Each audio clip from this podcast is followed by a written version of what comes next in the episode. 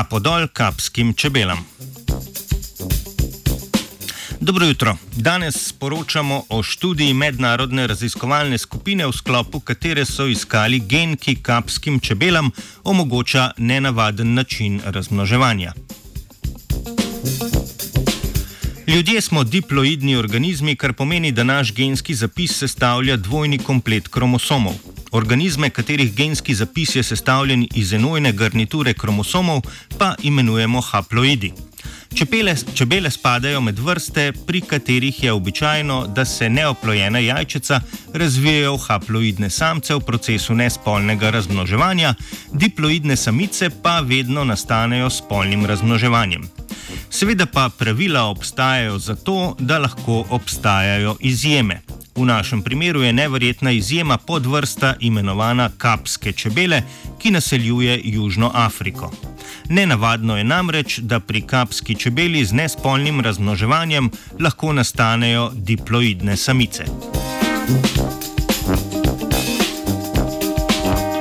kapskih čebelah nastanek diploidnih samic z nespolnim razmnoževanjem poteka tako, da se po sicer normalni mejozi dve nesestrski celici združita in se tako povrne diploidnost. Da bi raziskovalna skupina ugotovila, kateri gen ali katera skupina genov omogoča takšno razmnoževanje, so križali kapsko čebelo z drugo podvrsto čebel, njihove potomce pa povratno križali samcem kapske čebele. Genomu čebel so našli mnogo majhnih sprememb, ki bi morda lahko bile razlog za drugačen način razmnoževanja in so bile skoraj vedno prisotne pri povratno križanih čebelah delavkah. Skoraj vse pomembne spremembe so opazili znotraj regije na 11. kromosomu, v kateri so našli gen GB 45239.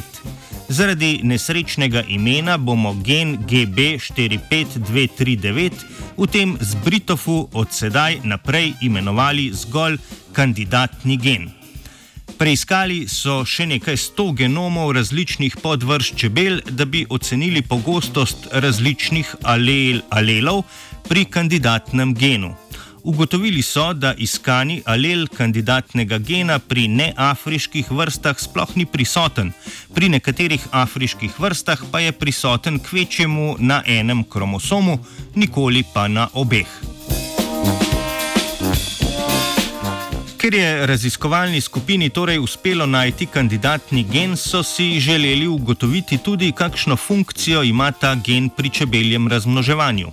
Pri sorodnih vrstah so poiskali podobne gene in ugotovili, da ti igrajo pomembno vlogo pri vzdrževanju strukture kromosomov. Raziskovalci in raziskovalke so pričakovali, da bo kandidatni gen drugače izražen v različnih tkivih čebel in v različnih razvojnih fazah.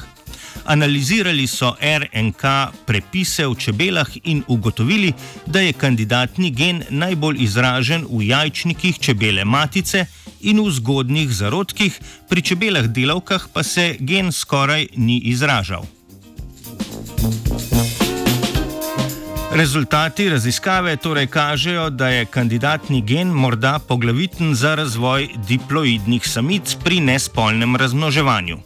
Gen vsebuje zapis za protein, ki je zelo verjetno vključen v vzdrževanje strukture kromosomov. Kakšen pa bi lahko bil mehanizem, s katerim gen deluje na razmnoževanje?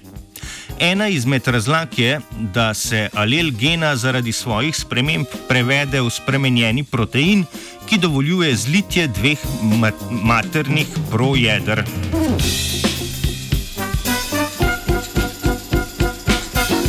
Današnji zbritov pa naj zaključimo z mislijo, da lahko en sam gen spremeni način razmnoževanja celotne populacije, tudi če se imenuje GB45239.